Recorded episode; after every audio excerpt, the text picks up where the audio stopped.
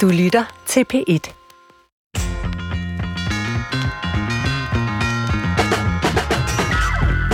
Undskyld ventetiden til de unge mennesker.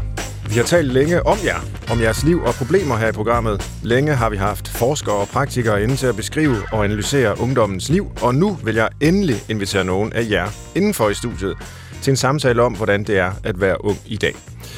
I bliver ofte beskrevet som en generation af stressede, mentalt ustabile, forkælede typer med urealistiske forventninger til fremtiden.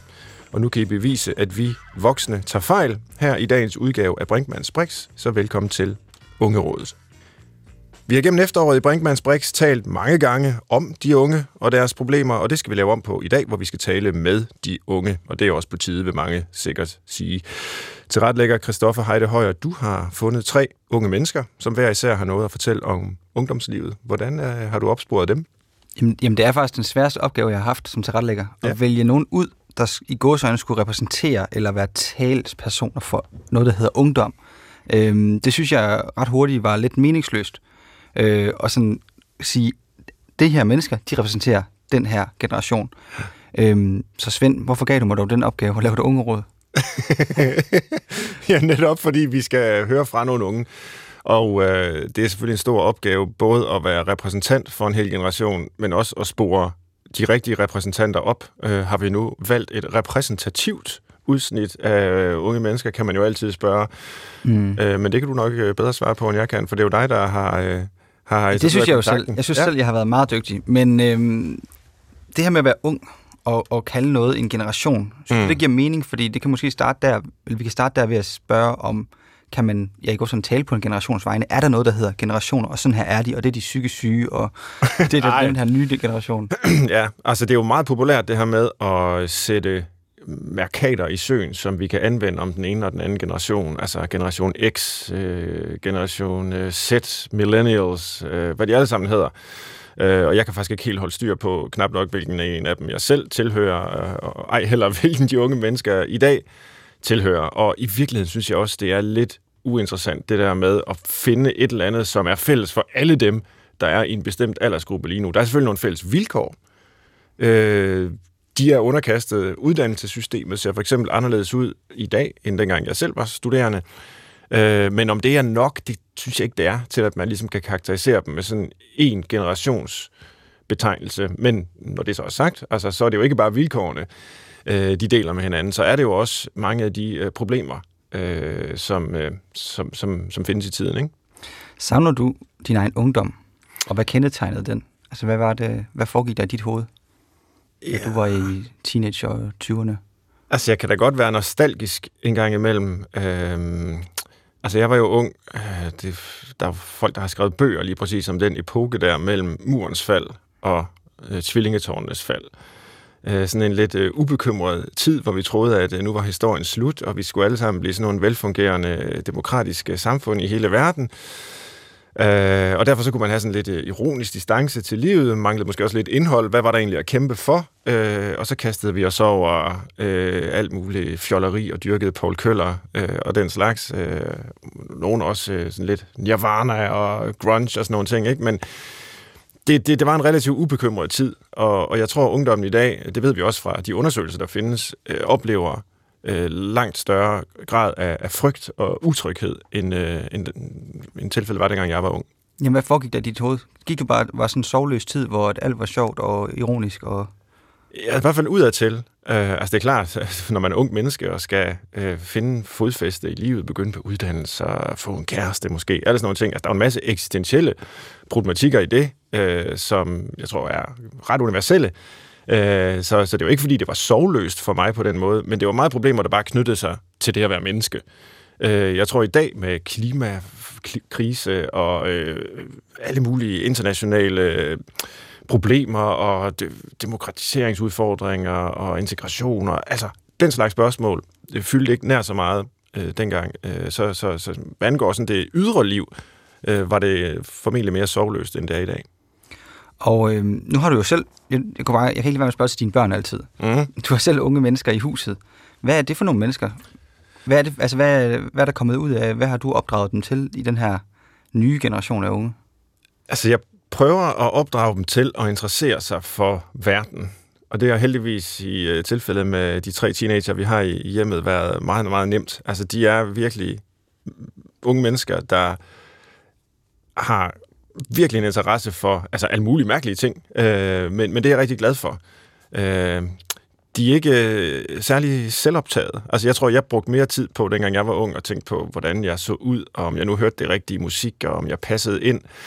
Øh, det er mine tre teens ikke så optaget af, og det er jeg rigtig glad for. Øh, og jeg tror ikke, det skyldes øh, noget, jeg har gjort. Altså, jeg, jeg tror, det, øh, det skyldes, at de bare er sådan nogle, øh, sådan nogle fine unge mennesker. Jeg får sådan et billede af dig sådan inden gymnasiefest, der står og sådan ikke kan vælge tøj, og ikke ved, hvilken musik du skal på. jeg havde og... ikke så meget forskelligt tøj.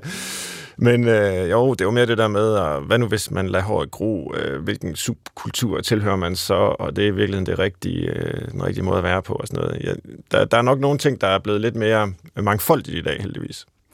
Og øh, sidste ting for mig, det er, jeg vil gerne høre, du nævner tit øh, de gamle grækere, og vi går tit tilbage i tiden, når du har læst filosofi og det hele. Øh, hvor, når opstår den her idé om at være ung? Fordi det er jo sige, i nogle stræk øh, ikke noget, der er givet, at man har en periode, hvor man kan gå sådan være lidt mere fri, øh, hvor mm. man har lidt flere muligheder, end man måske har tidligere og senere i livet.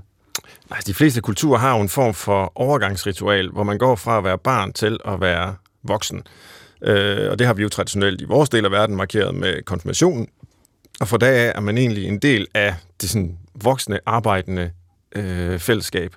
Og så fik vi jo, altså givetvis relativt sent øh, i det 20. århundrede, altså en decideret ungdomstid og en ungdomskultur, der var pludselig noget særligt musik, man skulle høre, hvis man var ung. Der var nogle særlige øh, caféer, man skulle gå på øh, fra især 50'erne øh, i USA. Ikke? Altså, der opstod simpelthen en kultur for de unge, og det skyldes jo velstandsforøgningen, der var dengang, og alle mulige nye øh, ja, muligheder for, at man kunne gå og eksperimentere lidt med, hvem er man, og man behøvede ikke bare at lægge sig fast på en identitet øh, lige med det samme. Og, og den periode der er jo så gradvist blevet udvidet mere og mere. Ungdomstiden er øh, forlænget, og i dag vil jo nogen sige, at det er virkelig det, vi drømmer om, at kunne forlænge øh, nærmest indtil vi dør. Altså ligesom livslangt kunne være unge og afprøve forskellige ting, og øh, det er jeg nu heller ikke, øh, det er jeg ikke sikker på er så godt heller. Øh, det, det, det er godt, vi har fået ungdomskultur, der er en masse dynamik og energi i det, øh, men det er måske også meget godt, at man på et tidspunkt finder et ståsted i tilværelsen.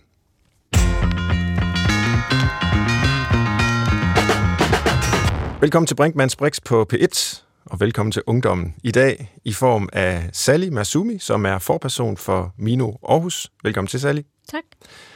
I, også i form af Isa Naja Buhl, som er journaliststuderende på Syddansk Universitet og øh, podcastvært.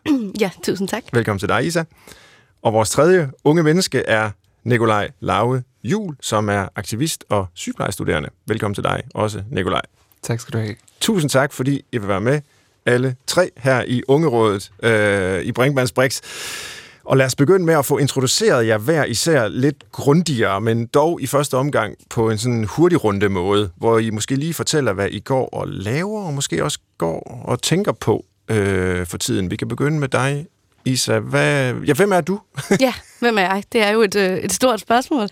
Men altså, jeg er øh, 24 år, og øh, bliver 25 næste måned, så føler lidt, at, at, at jeg er på vej til at blive sådan ægte voksen, hvis man kan sige det. Jeg, øh, som du selv siger, studerer en, øh, en kandidat i journalistik, men har også en bachelor i musikvidenskab fra øh, Københavns Universitet. Og øh, lige nu har jeg jo læseferie, og, øh, og så laver jeg også en, en podcast for B6 Beat.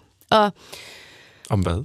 Om, øh, om kvinder i musik, ja. eller kønsuligheden i den danske musikbranche, mm. øhm, som kommer ud på et eller andet tidspunkt. Og øhm, inden corona, jeg ved ikke, om det er et, øh, et fyreår her, men der brugte det. jeg rigtig meget tid på at, øh, eller det, at, at drikke øl på, på bar og bodegaer med mine venner. Det er noget, jeg sådan...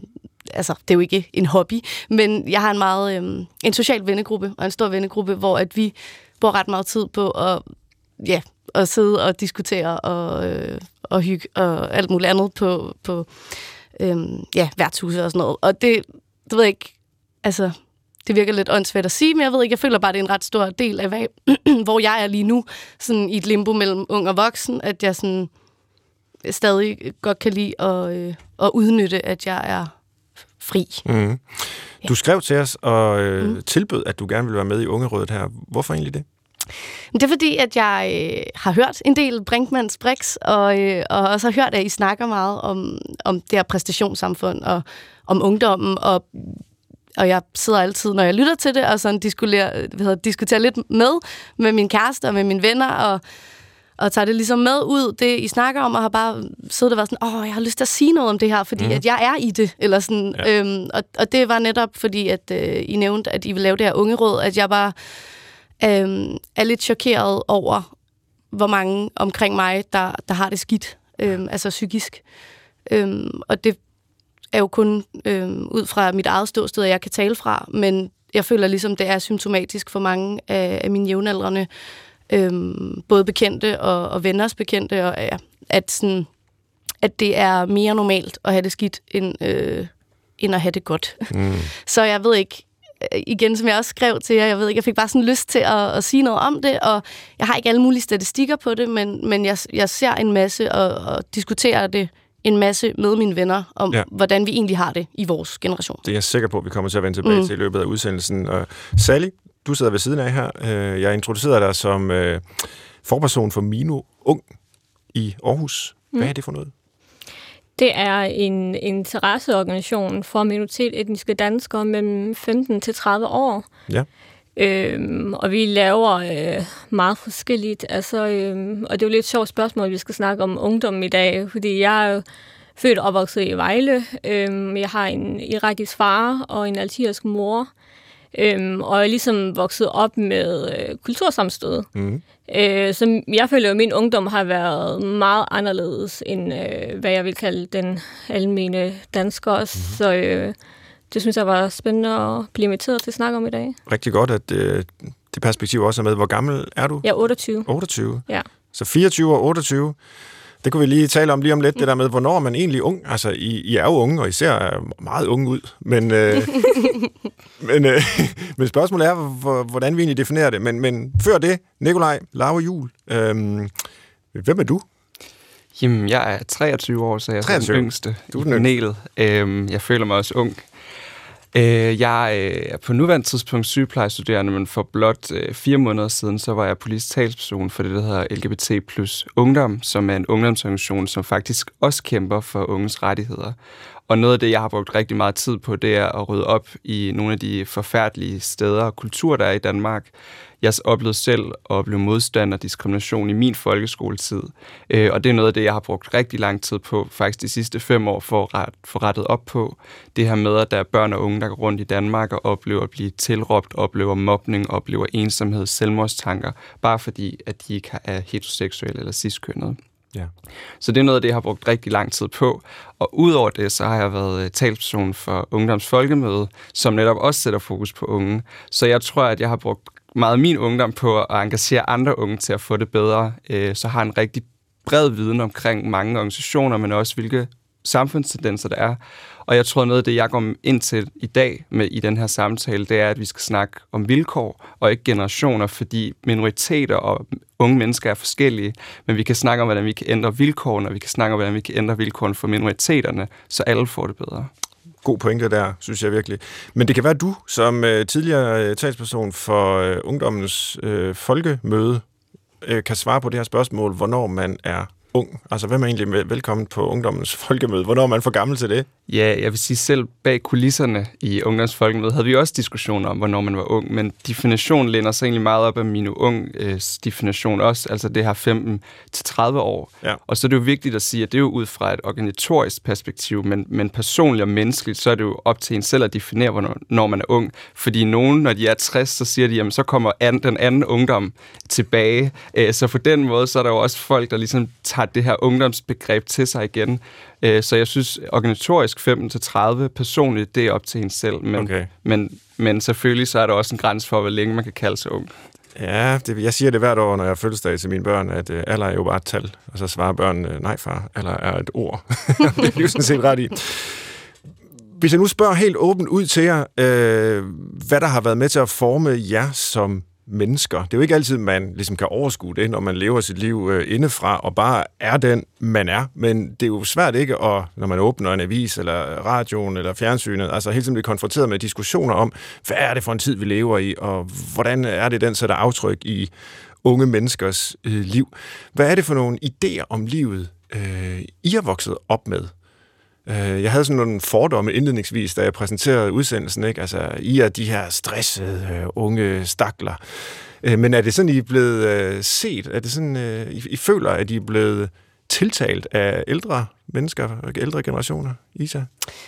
Øhm, altså sådan, jeg ved ikke, om vi er, jeg ved ikke, om jeg føler, at, at vi øhm, er blevet omtalt som stakler på den måde, men, men når du spørger sådan, hvad der ligesom har formet os, eller nu kan jeg jo igen kun tale for mig selv, men sådan er overordnet ting i verden, så kan jeg huske, at vi har snakket om, om klima, siden jeg gik i, i 0. klasse og, øh, og skrev, jeg har faktisk aldrig gået i 0. klasse, i første klasse, øhm, og, og skulle skrive opgaver om, hvordan isen smelter og sådan noget. Og, øhm, og så også alle de her valg, som jo også er lidt, ikke en kliché, men sådan, som man i hvert fald hører fra, eller jeg hører fra min, mine forældre og min forældres generation, at dengang vi var børn, der kunne man enten vælge en matematisk retning eller naturvidenskab. Mm. Så jeg føler ligesom, det, når jeg tænker på mit liv, det er meget de her valg, og, øh, og hvordan det ligesom har været stressende, at man kan vælge alt i verden, øh, hvis man er øh, altså privilegeret, og, øh, og kommer øh, ja, hvad hedder det, fra en privilegeret opvækst. Øh, og ja, altså, så det, jeg føler i hvert fald, det har stresset mig, eller sådan, at, at det er noget af det, der har formet mig, det er, at man kan vælge alt, og vælge forkert så kan jeg ikke vælge om igen. Og øh, ja, så hele tiden der med ligesom at, at stræbe efter at øh, nå et eller andet øh, større i livet, eller sådan noget, hvor jeg måske også igen føler, hvis jeg snakker med mine forældre, så er det sådan, man, nogen i hvert fald øh, i den generation var bare tilfredse, hvis man mm. havde det godt, eller sådan. Ja. Og der er ligesom noget andet der. Så det er, det er også, og så er jeg igen øh, klima og, øh, og post 9-11 og sådan noget. Altså, ja. Det er ligesom sådan så der er noget med klimakrise, der er noget med en masse valg, man skal træffe i livet, øh, og der er noget med sådan en øh, vedvarende stræben. Mm. Altså man er ligesom aldrig god nok der, hvor man er, men man skal noget mere, eller sådan. Det, ja, det, I hvert fald fra mit ståsted. Ja, præcis. Ja. Sally, er det nogle øh, træk, du kan genkende fra, øh, fra din egen opvækst? Øh, egentlig ikke. Altså, øh, der hvor jeg opvoksede, var det jo et sted, som var ekskluderet fra det store øh, danske fællesskab. Så øh, jeg synes jo, at det er jo et rigtig godt spørgsmål. Hvad du formet er jo formet ja. af de kampe, jeg har taget som ung, øh, og det sted, jeg voksede op. Og det var... Altså, jeg havde for travlt til at, at skulle finde mig selv som ung, og, og ja, alle de ting, men nu skal jeg i folkeskolen, og, men det, jeg skulle starte, altså det udgangspunktet for mange efterkommere, det er jo at tage en frihedskamp øhm, og få lov til at være sig selv. Øhm, så jeg synes jo, at jeg har vokset op med nogle kampe, der har været meget større end mig selv. Og samtidig, fordi jeg ser ud på en bestemt måde, og jeg hedder noget bestemt, så skal jeg også forholde mig til en masse, som er større end mig. Altså i stedet for at folk spørger mig, hvad min yndlingskage er, så spørger de, hvad jeg synes om verdenskrig. Øhm, og det er jo noget, som man som minoritetsetniske danskere skal forholde sig rigtig meget til, og hele den her integrationsdebat er noget, vi er formet rigtig meget af, fordi vi bliver påvirket af den tone, der er, af de lov, som bliver lavet. Øhm, men vigtigst af alt vil jeg nok sige, at jeg formede de kulturer, min, kultur og normer, mine forældre har taget med fra hjemlandet, og det har været ikke altid positivt. På hvilken måde? Jamen altså, øh, der er jo nogle normer, man tager med fra øh, hjemlandet, som er meget anderledes end de danske. Altså, for eksempel i folkeskolen, øh, også i de ældre klasser, skulle jeg kæmpe for at få lov til at overnatte på skolen, eller tage på lejrture og så videre. Og når jeg så kigger på Line og Sara i parallelklassen, så kan jeg bare blive misundelig over, at hun havde nogle helt andre, de havde nogle helt andre forudsætninger. Og jeg kan huske, at min generation af minoritetiske danskere plejede der hvor vi jo bor i ghettoen, var der en villavej ved siden af i Vejle. Og der plejede vi at gå nogle ture, hvor vi sådan forestiller os, hvordan er det egentlig at være ung på normal måde, altså hvor man cykler til skole og spiser andet end frostmad, og har forældre, der spørger ind til, hvordan det går med skolen, og hvordan man har det i dag. Så det var, altså, jeg vil nok sige, at min ungdom har været meget anderledes, øh, men jeg tager det heller for givet, og jeg vil ikke have, at det skulle være anderledes, fordi det har gjort mig stærkere, og det har gjort mig til den, jeg er i dag. Mm-hmm. Nikolaj, hvad, hvad er du vokset op med af idéer om livet? Hvad forventes af sådan en, øh, ung som dig? Ja, en ung sønderjøde faktisk. En ung sønderjøde fra landet. Øhm, jamen, meget tidligt, så tror jeg, at jeg skulle stå på egen ben, fordi jeg valgte at engagere mig som idrætsklasseelev i Team Danmark som håndboldspiller. Spillede der i to år, indtil jeg så indså, at det at være øh, håndboldspiller øh, og måske til tider feminin, det hang ikke sammen. Øh, og endte faktisk med at droppe ud, fordi jeg blev mobbet så meget, øh, at det psykisk påvirkede mig. Øhm, så jeg tror, at det, der har formet mig ekstremt meget, det er den modstand, jeg oplevede tidligt i mit liv. Øh, og det er noget af det, jeg har kæmpet benhårdt for så at sørge for, at andre mennesker ikke skal opleve. Øhm, og det er jo også i samtale med andre mennesker, jeg er blevet klar over, at, at min oplevelse langt fra er enestående.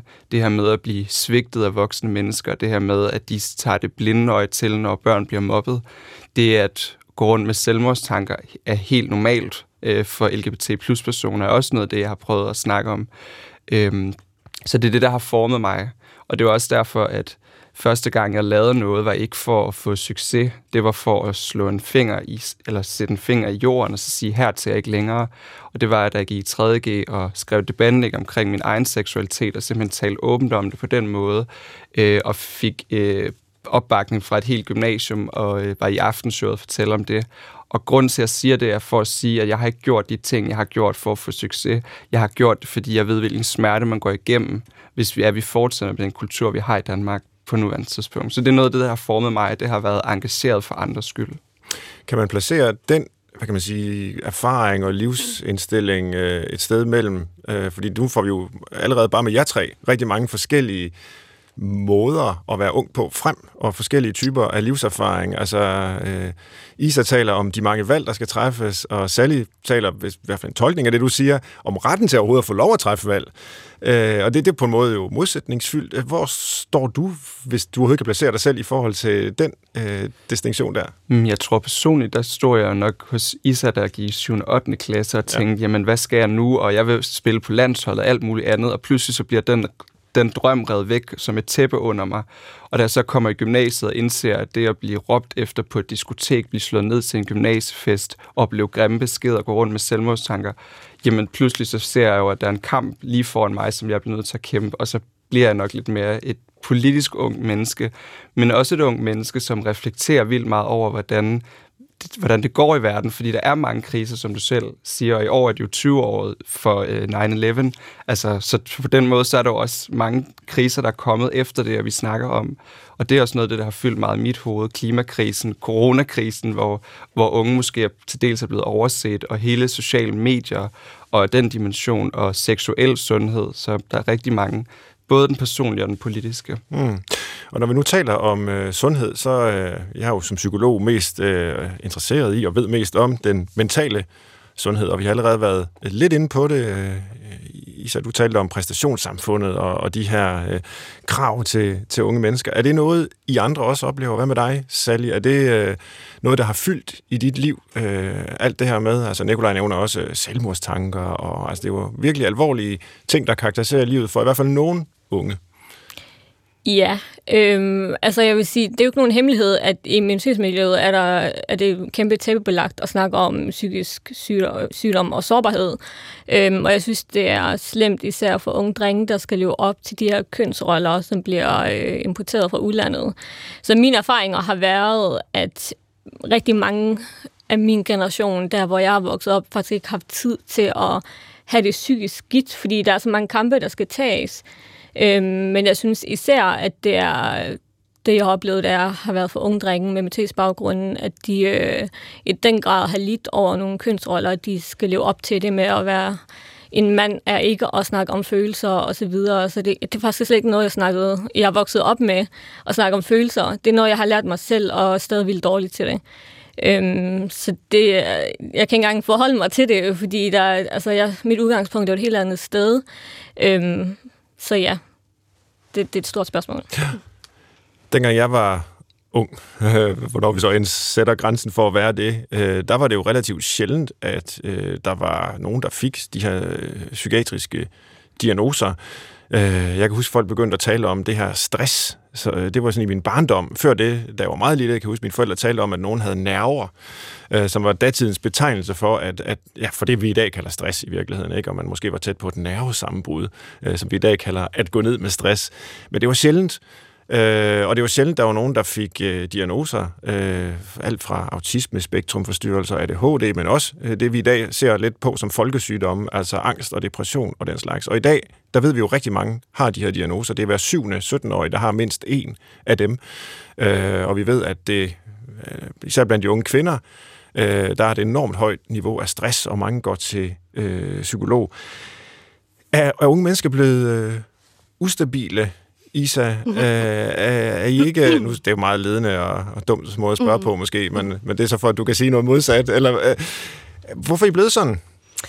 Jamen, jeg ved det sgu ikke. Altså, øh, igen, så skrev jeg ind, fordi at, at, at jeg ser det så meget, som jeg gør. Ja. Og, jeg, og det er først her i mine 20'er, at det er gået op for mig, også nok fordi jeg kommer fra en enormt privilegeret baggrund øh, i, i Vandløse, som er en virkelig hyggelig forstad til København. Øh, og har bare ikke, altså jeg har gået i lang tid i min egen øh, trygge boble, og, og lige pludselig så øh, møder man, øh, i og med at man bliver ældre, og jeg bare møder flere forskellige mennesker, så er det bare gået op for mig, hvor, hvor skidt det står til, og det, jeg ved ikke hvorfor, men jeg kan jo kun øh, sige, at jeg bare virkelig øh, jeg prøvet at tælle sammen sådan, og jeg, altså, jeg tror, det er 10-11 af mine øh, nærmeste venner og, og kæreste, der, der dealer med noget, Øh, både altså, øh, hvad hedder det, i lidt en mildere grad, og nogen, der øh, altså, ægte har det e-, enormt dårligt. Mm. Og også, øh, ja, jeg kender bare flere, der er på antidepressiv, og, øh, og jeg tror også, grunden til, at jeg, har, jeg tænker så meget over det, det er, fordi det også er blevet meget, eller vi taler meget åbent om det i min, øh, i min vennegruppe, og kan også sige, hey, jeg er kommet på antidepressiv, eller, eller noget, og jeg tror bare lige pludselig synes jeg, det var meget uhyggeligt, at, at det er så, øh, at det er normalen, eller sådan. Ja. Øhm, men og jeg er samtidig jo altså, vildt glad for, at man kan tale om det, altså i hvert fald i min omgangskreds, øhm, og at det ikke skal være et tabu. Men, men jeg, jeg ved ikke, hvorfor. Jeg tror, altså, altså igen, jeg tror i hvert fald, der hvor jeg kommer fra, der er det meget øhm, følelsen af at, at skulle gøre det godt hele tiden. Eller sådan, altså, at man ikke får et pusterum eller en pause. At man hele tiden skal, øh, ja, skal, skal stræbe efter at være sit allerbedste jeg på alle punkter og leder. Karrieremæssigt, vennemæssigt, altså socialt og øhm, ja, og også i familien, jeg ved ikke. Der, der er... Øh, ja, det er det, jeg ser i hvert fald.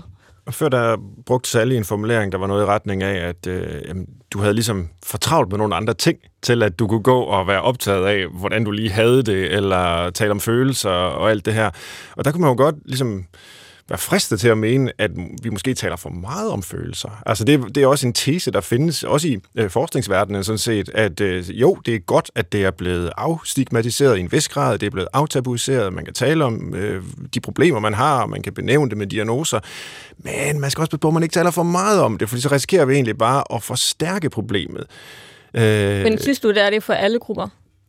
At eller for alle unge? Nej, altså Nej. Du, du fortæller jo netop, at, øh, at det kan være svært overhovedet at få lov at tale om det. Men, men det, jeg så prøver at stille som spørgsmål, det er, om, øh, om man kunne finde en balance. Det er ikke sikkert, at det overhovedet vil være øh, det rette at gøre, men øh, måske skulle vi, øh, kunne vi lære lidt af dig, Sally. Altså det her med at overhovedet få lov at kæmpe for øh, retten til at tale om det.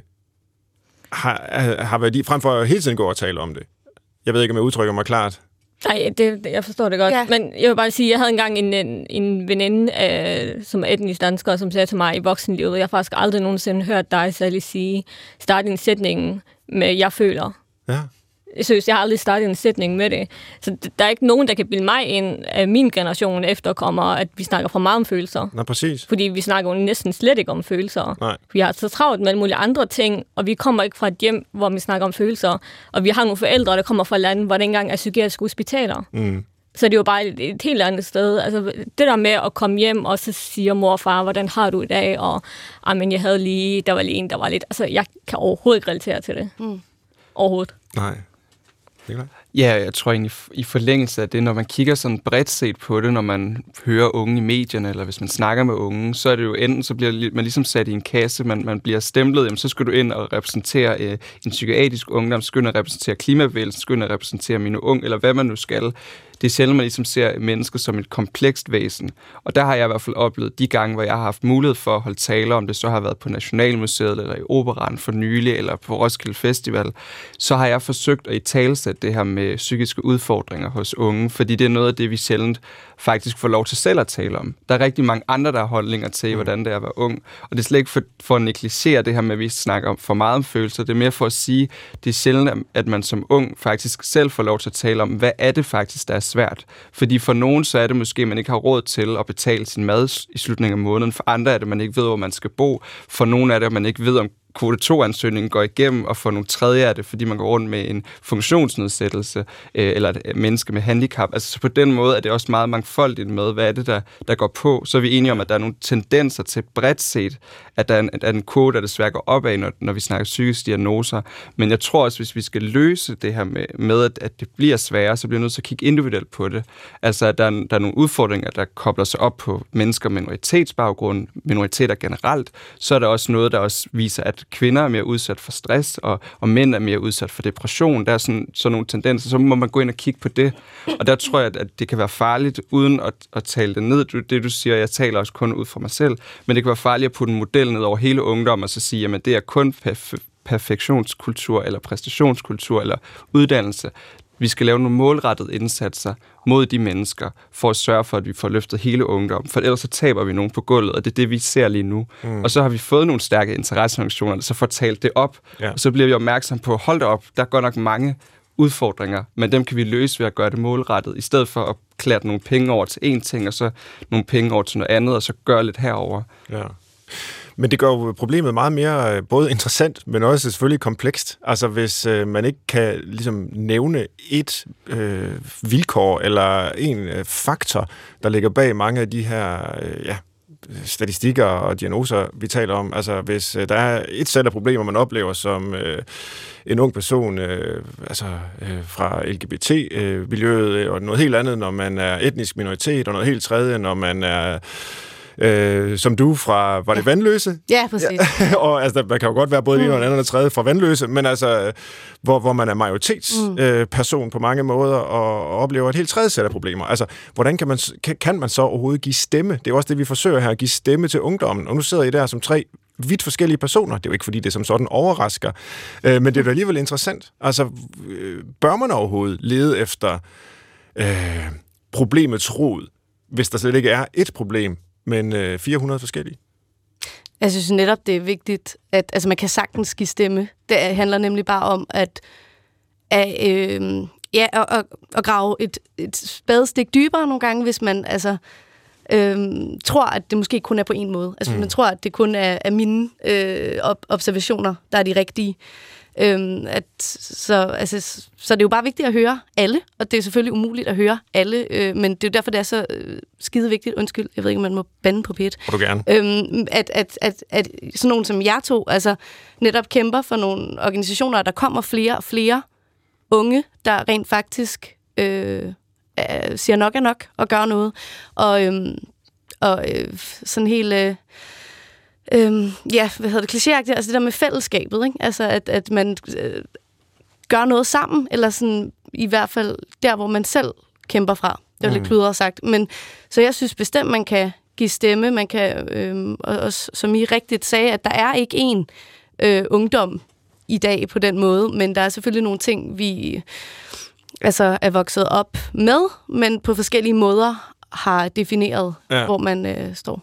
Jeg kan prøve at spørge på en anden måde ja. også, øh, i forlængelse af det, du siger, altså hvor ungdommens problemer måske er mangfoldige, fordi der er alle mulige øh, grupper, undergrupper, typer af fællesskaber osv., som, som oplever forskellige udfordringer. Men derfor kunne det måske godt være, at løsningen på mange måder vil være den samme øh, for mange af de her. Det er i hvert fald øh, altså, et tankeeksperiment, vi kan prøve at, at lave, altså om ungdommens stemme i højere grad kunne, kunne mødes eller synge unisont, nu ved jeg ikke, hvad for en metafor jeg er ved at rode mig ud i, ved at tale om, om andet end øh, det negative. Altså ved at tale om, hvad der faktisk karakteriserer sådan nogen som jer i positiv forstand. Altså nu sidder I jo også alle sammen som nogen, der faktisk kæmper for noget, øh, har nogle drømme, ambitioner, øh, aktivistiske på forskellige vis. Øh, kunne, kunne det være en vej at gå og ligesom sige, jamen der er faktisk nogle... Øh, der er noget andet end det negative, der karakteriserer os. Der er noget fælles positivt, vi er optaget af som unge. Nu sidder jeg og nikker forsigtigt. Øh, Sally, hvad, hvad dækker det nikker over? Øh, altså, selvfølgelig kan vi uh, tale det mere op og, og være positive og fokusere på det, og det synes jeg egentlig også, vi uh, alle sammen gør, men det er ikke enten eller, altså det er begge dele. Uh, men jeg er fuldstændig enig med dig i, at der skal altså være målrettet indsats, og man kan ikke... Uh, øh, hvis vi nu, når vi snakker om mental sundhed, sige, at selvom der er forskellige årsager, så er der en fælles løsning, for det er der ikke. Man kan ikke, jeg har svært at forestille mig, at min lillebror som autist øh, vil få gavn af samme løsning, end hvis det var en fra et privilegeret hvidt hjem. Øh, så det, det, det tror jeg faktisk ikke, man gør, og det mm. gør man jo heller ikke i dag. Altså, nej, vi har målrettet indsatser, ja. og noget, vi arbejder rigtig meget med nu, det er lige præcis at bryde de tabuer, der er om mental sundhed og psykisk sårbarhed.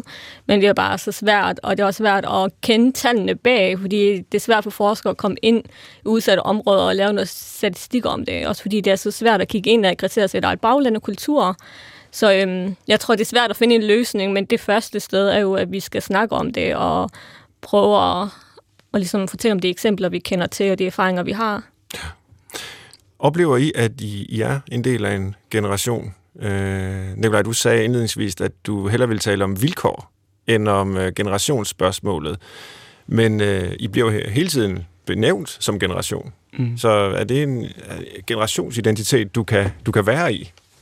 Det, det er det, hvis det er en øh, identitet, hvor man ser mangfoldigt på gruppen. Fordi problemet er, at når vi snakker for eksempel corona, så er unge blevet udskammet som dem, der er aller dårligst til at overholde restriktionerne. Når vi snakker om drukkultur, jamen, så er unge jo helt hen i hegnet, og det er dem, der drikker allermest i, i hele Europa. Altså det her billede, der bliver tegnet af en ungdom, som bare kører fuldstændig ned ad et sidespor, og så er der en ældre generation, som har været helt perfekte, da de var unge.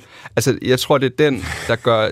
Det er der, det der det går ind og trykker ved mig, når vi snakker om samlet... Det er bare, hvor, hvor dårlig folks hukommelse ja, bliver. Ja, fordi jeg tror også, øh, bagsiden af det er jo faktisk, at vi står lige nu med en ungdomsgeneration, som er en af de mest engagerede nogensinde. Altså ja. unge er de allermest øh, engagerede, når det kommer til frivillighed. Vi er, al, altså, vi er al, den generation, hvor allerflest har en uddannelse. Vi er rigere end vores forældre. Desværre så ser vi ind i en økonomisk øh, fremtid, hvor det ikke kommer til at gå lige så godt, desværre. Vi ser ind i en klimakrise, alt muligt andet. Men hvis jeg skal hen til, hvor vi faktisk gør en forskel, så synes jeg også, man skal kigge lidt rent politisk på det. Fordi rent politisk bliver der rigtig meget snakket om børnenes statsminister, fordi det er populært at snakke om børn. Vi snakker om ældre, fordi det er populært at snakke om ældre. Når vi snakker om unge, så snakker vi ikke om det som noget populært, men noget, vi bør gøre. Altså nu blev der sat nogle penge af til uddannelse. Jamen det var for at fremtidssikre Danmark. Det var ikke for at investere i unge. Altså jeg synes, man bliver nødt til at snakke øh, unge, unge op, altså sådan den her generation op, og til gode se os og sige, vi vil faktisk gerne føre noget politik, der målrettet gør noget for jer.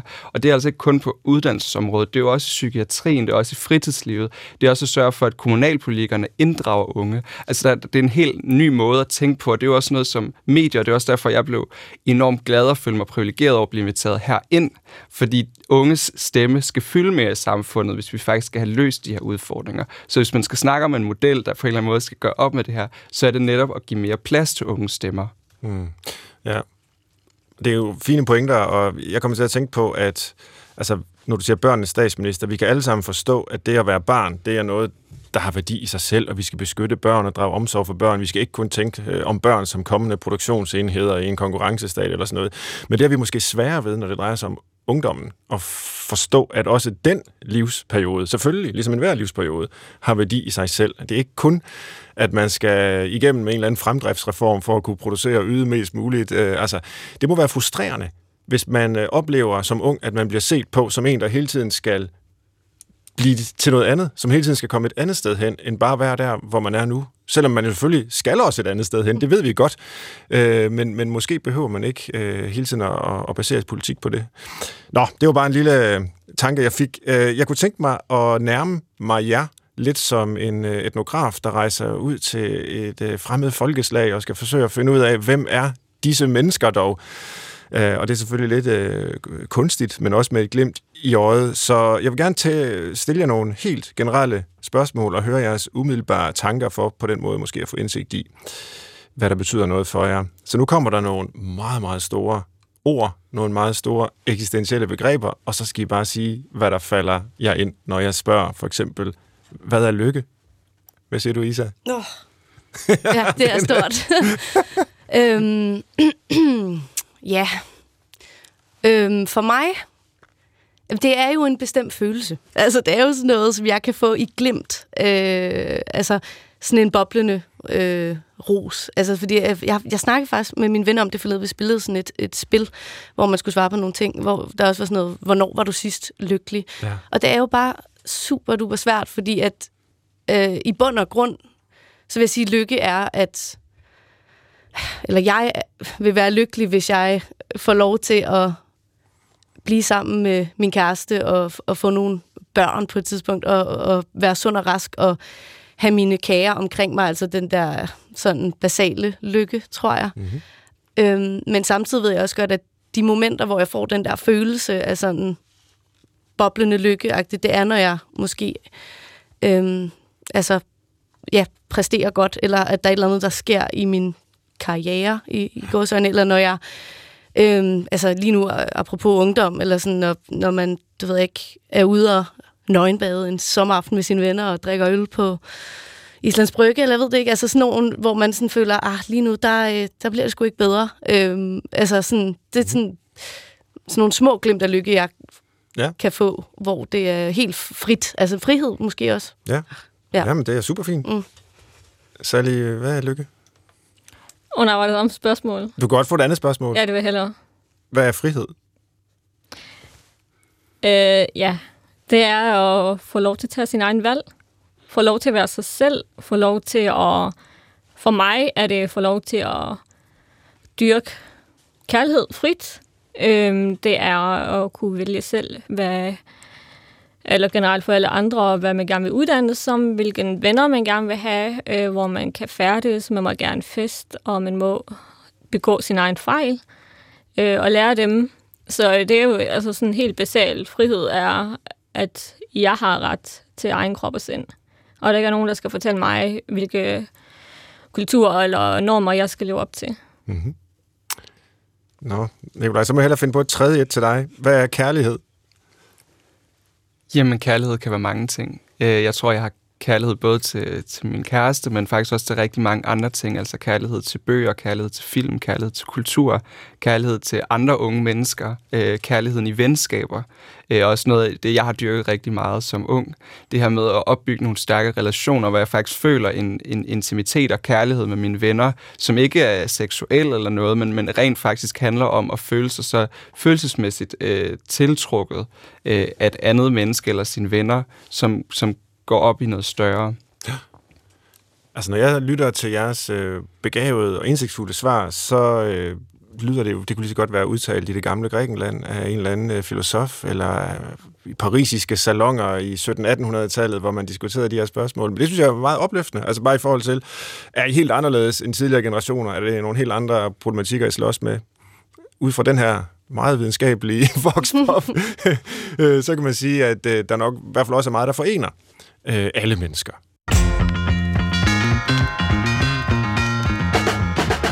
Du lytter til Brinkmanns Brix på P1. Jeg er i godt selskab i dag med Sally Masumi, forperson for Mino Aarhus, Isa Naja Buhl, journaliststuderende på Syddansk Universitet, og Nikolaj Lave Jul, som er aktivist og sygeplejestuderende.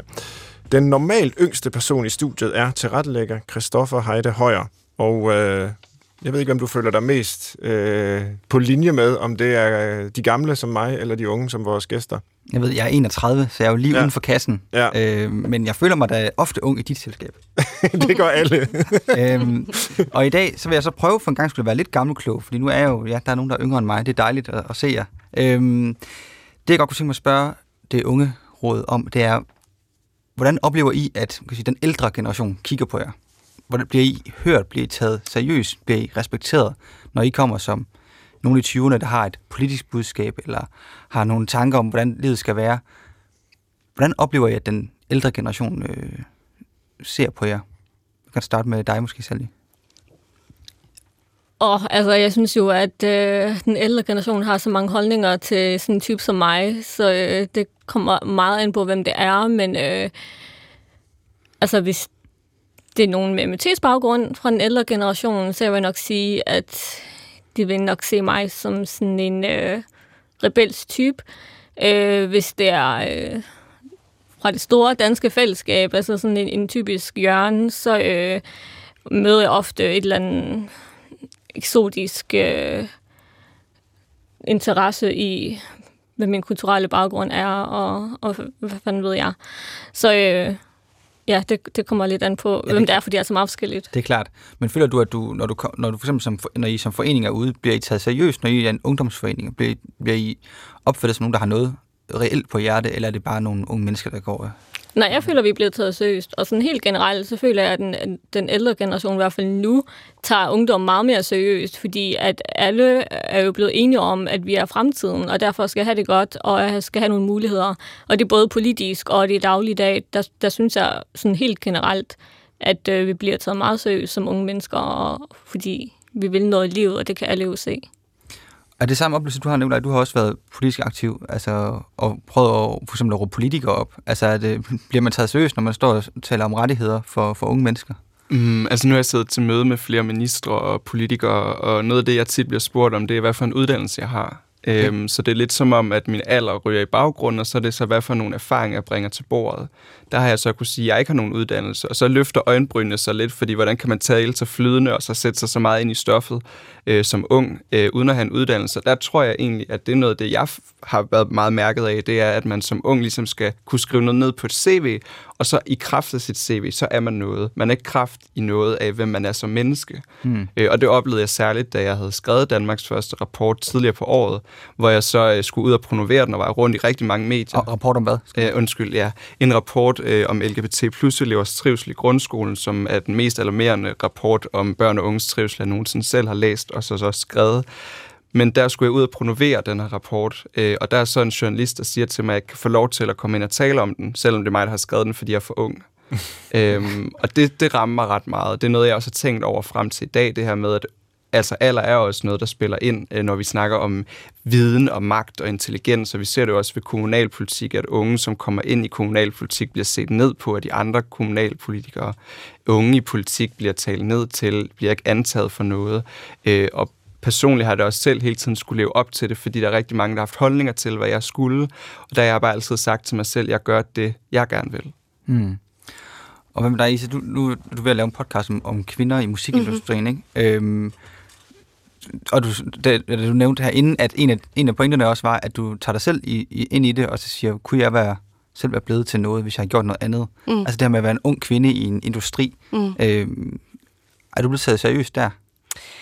Øhm, altså, jeg, det er jo også, jeg kan ikke gå nærmere ind i, i, i podcasten på den måde, fordi at jeg ved ikke lige, hvor meget jeg må sige nu, men altså, det er helt fair, øh, det her, men det er mere for at sige, at jeg har jo ikke været i musikindustrien på den måde. Jeg har bare virkelig elsket og interesseret mig for musik altid og spillet det. Så for mig var det mere sådan de øh, stopklodser, der særligt var i barndommen, ikke at få lov øh, i god til at spille øh, trommer og bas og sådan noget i musiklokalet. Okay. Altså, så det var mere sådan i barndommen.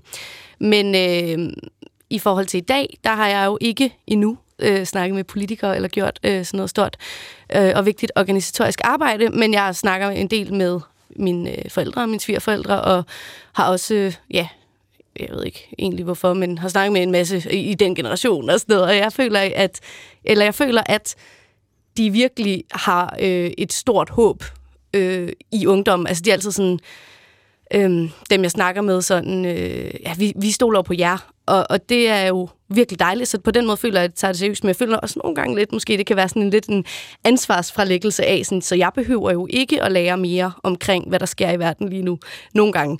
Mm. Øhm, at det kan være sådan lidt, åh oh, ja, det er, jeg, jeg siger, hvad jeg siger, og gør, hvad jeg gør. Øh, det er jo jer, der skal tage det her videre, hvor jeg nogle gange også tænker sådan, I skal ikke gøre jer selv øh, dummere end I er. Altså den ældre generation, I kan også godt stadig lære, og I kan stadig gøre noget. Øhm, Øhm, men jeg føler i hvert fald, ja, der bliver lagt noget ansvar over på os, øh, i at det er os, der skal gøre det. Og det er jo mega fedt, fordi så stoler den ældre generation også på, at vi, at vi kan. Men det ville jo være fedt, hvis det var i samarbejde med den ældre generation. Og så vil jeg også bare sige, at jeg virkelig kan genkende det, øh, Nikolaj sagde for, for lidt tid siden med... Øh, med, hvordan vi bliver fremstillet, altså i medierne og sådan noget, i forhold til netop, at det er bare, at vi drikker, og vi kan ikke finde ud af at overholde restriktionerne. Og der synes jeg nemlig også, det virkelig er et sort-hvidt billede, der bliver tegnet op, hvor jeg måske netop føler, at der, der bliver det fremstillet på en måde, hvor at vi ikke bliver taget seriøst. Altså, hvor vi i hvert fald bliver gjort værre, end vi er. Men ja, mm. i hvert fald der, hvor jeg, ja, hvad jeg ser, ja. når ikke alle unge.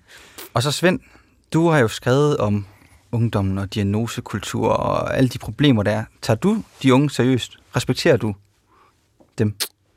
Ja, det håber jeg da. Altså, det er da i hvert fald en ambition, jeg har. Men øh, det, det, ja, man ved jo aldrig, hvordan ens øh, måde at agere på bliver, bliver modtaget eller lyttet til i den anden ende. Men øh, altså, man siger, tiden er jo med de unge. Altså, det er ligesom dem, der kommer til at overtage øh, den her verden. Så det er jo meget vigtigt at lytte til dem. Men det er også vigtigt at Ja, netop, som Isa også er inde på, altså, det, man skal ikke bare lægge ansvaret fra sig, og så sige, jamen altså, om, om 50 år, så er jeg jo død, øh, og så er det jeres problem. Øh, men den går ikke, altså, fordi du lever også nu, og øh, om man er 18 år, eller 48, eller derimellem, altså, øh, så er man borger, og har sådan set principielt jo lige meget ansvar for at øh, uddanne sig i, øh, hvad det er for en tid, vi lever i, og, og hjælpe hinanden med at skabe det bedst mulige samfund. Og nu har du jo så forladt ungdommen, det er det sidste for mig nu, men, men føler du, at der er sket noget, altså der sker noget i ens liv, når man bliver ældre end i 20'erne for eksempel? Altså er der noget, du kan genkende i det her med at sige, det bliver det må det unge om? Jeg gider ikke være aktivist mere i hvert fald. Jeg, jeg kigger bare på det lidt fra, fra sofaen nu. Jeg sidder derhjemme. Jeg har måske også fået nogle børn. Dem kan jeg kigge på i stedet for. Ja, men altså, lige for mig personligt, der har jeg nok altid været sådan en, der sad hjemme i sofaen. altså, ikke, ikke fordi jeg, jeg vil melde mig ud af noget, men, men, men jeg har aldrig været sådan en aktivist på den måde, hvor man gik på gaden og organiserede ting. Øh, Ej, men dog engageret. Jeg, jeg har været, ja, men det har været via, via pennen. Det har været via læserbreve og bøger og den slags. Øh, så det, det kan man jo godt lave hjemme fra sofaen, så på den måde er det nok lidt en, en kombination.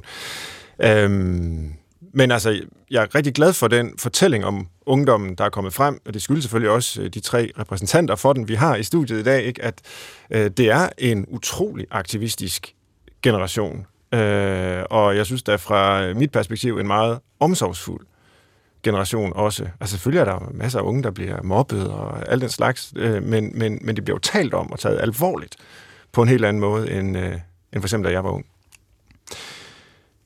Og vi nærmer os så småt afslutningen på programmet, og øh, de seneste minutter her har vi jo gradvist nærmet os ikke bare en analyse af, hvad det er for nogle øh, problemer, der hersker, men også hvordan vi kan forsøge at løse dem. Øh, så de, de næste par spørgsmål, jeg har, det handler om dels, hvad kunne I tænke jer var anderledes ved det samfund, vi lever i, øh, men måske også, hvad kunne I tænke jer, der skal bevares?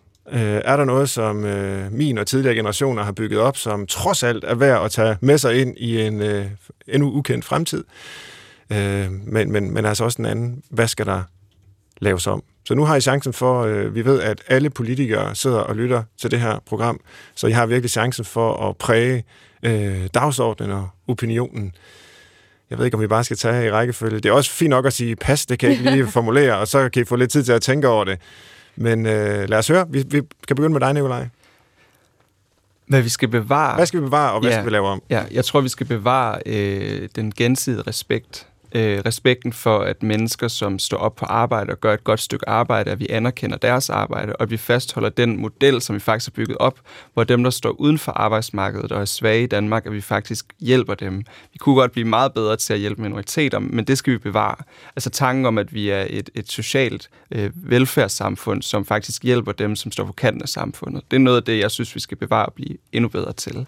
Og der er jo så flydende overgang til, hvad vi skal blive endnu bedre til. Det er, nu er jeg selv sygeplejestuderende, hvis vi kigger for eksempel på, på ulighed i sundhed, altså, så er det jo helt vildt, hvor stor forskel der er på sundhed blandt, øh, blandt danskerne, øh, selvom vi er et af verdens rigeste lande. Så det er noget af det, vi som jeg ser det, bliver nødt til at fokusere på, hvis vi faktisk skal sikre et mere lige samfund. Og så vil jeg også sige, at, at noget af det, vi også bliver nødt til at fokusere på, det er, at vi er nødt til at droppe den romantiserede forestilling i Danmark om, at, at vi ikke har nogen problemer, når det kommer til racisme, sexisme, homofobi, transfobi, øh, tyksfobi, alle de her øh, minoriteter, som bliver klemt, fordi vi går rundt i en lille boble om, at her går det så godt.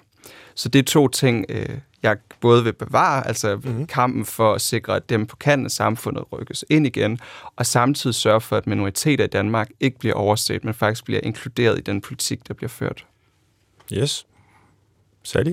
Ja, jeg ved ikke, om jeg kan sige det meget bedre selv. Jeg er fuldstændig enig. Øh, det, det, det, jeg er mest stolt af ved Danmark, det er jo, at vi der har det her sikkerhedsnet, når folk øh, har nogle udfordringer i livet, hele vores velfærdssamfund og den måde, vi omgås hinanden på, og der ikke er så stor forskel på rig og fattig, som der er i andre lande. Det synes jeg er en meget dansk ting, øh, en kulturel ting, som vi skal bevare. Og så synes jeg, at der er masser af ting, vi kan gøre, vi kan gøre bedre, men hvis jeg skal nævne en lige nu, så vil jeg helt sikkert sige, at vi alle sammen skal blive bedre til at gribe efterkommere i, folke, i folkeskolen, øh, når de har udfordringer, og lærerne skal være bedre til at fange nogle farsignaler osv. Og så vil jeg også sige, at i forhold til den nydanske kvindekamp, der føler jeg, at vi er et sted lige nu, hvor det ikke er længere nok for jer at sidde og hæppe med fra sidelinjen. Øh, jeg synes, alle skal tage en del i den frihedskamp, som mange unge med minoritetsetnisk baggrund øh, går rundt med, og det er både øh, drenge og piger, fordi det fylder alt for meget af deres ungdomsliv. Hvordan kan jeg gøre det for eksempel, hvis jeg skal op af min sofa og engagere mig? Kan jeg gøre noget? Jamen, det, det kan du da helt sikkert. Øh, nu, nu kender jeg dig ikke så godt, så jeg ved ikke, øh, hvad du laver og ikke laver, men øh, jeg synes jo, at som den sådan almene dansker, det første kan gøre, det er jo at få indblik i det, og snakke om det, og sige fra, når man øh, møder nogen, eller noget, der, der er anderledes. Øh, men altså, jeg, jeg, jeg ved faktisk ikke, hvad, hvad din udgangspunkt er. Jeg synes, jeg er lidt at svare på, hvad du, hvad du lige præcis skal ja, gøre. Ja. Men det er hele det der med at hæppe med fra sidelinjen, det mm. synes jeg ikke længere er øh, acceptabelt. Mm-hmm. Det er modtaget. Isabel, ja, du, hvad skal vi bevare, hvad skal vi lave om? Ja, øh, jeg ved ikke, uh, wow, jeg fik lige mundlam, jeg var meget enig i jer to, i hvert fald vil jeg starte med at sige, men det er også fordi, jeg kommer fra et helt andet udgangspunkt.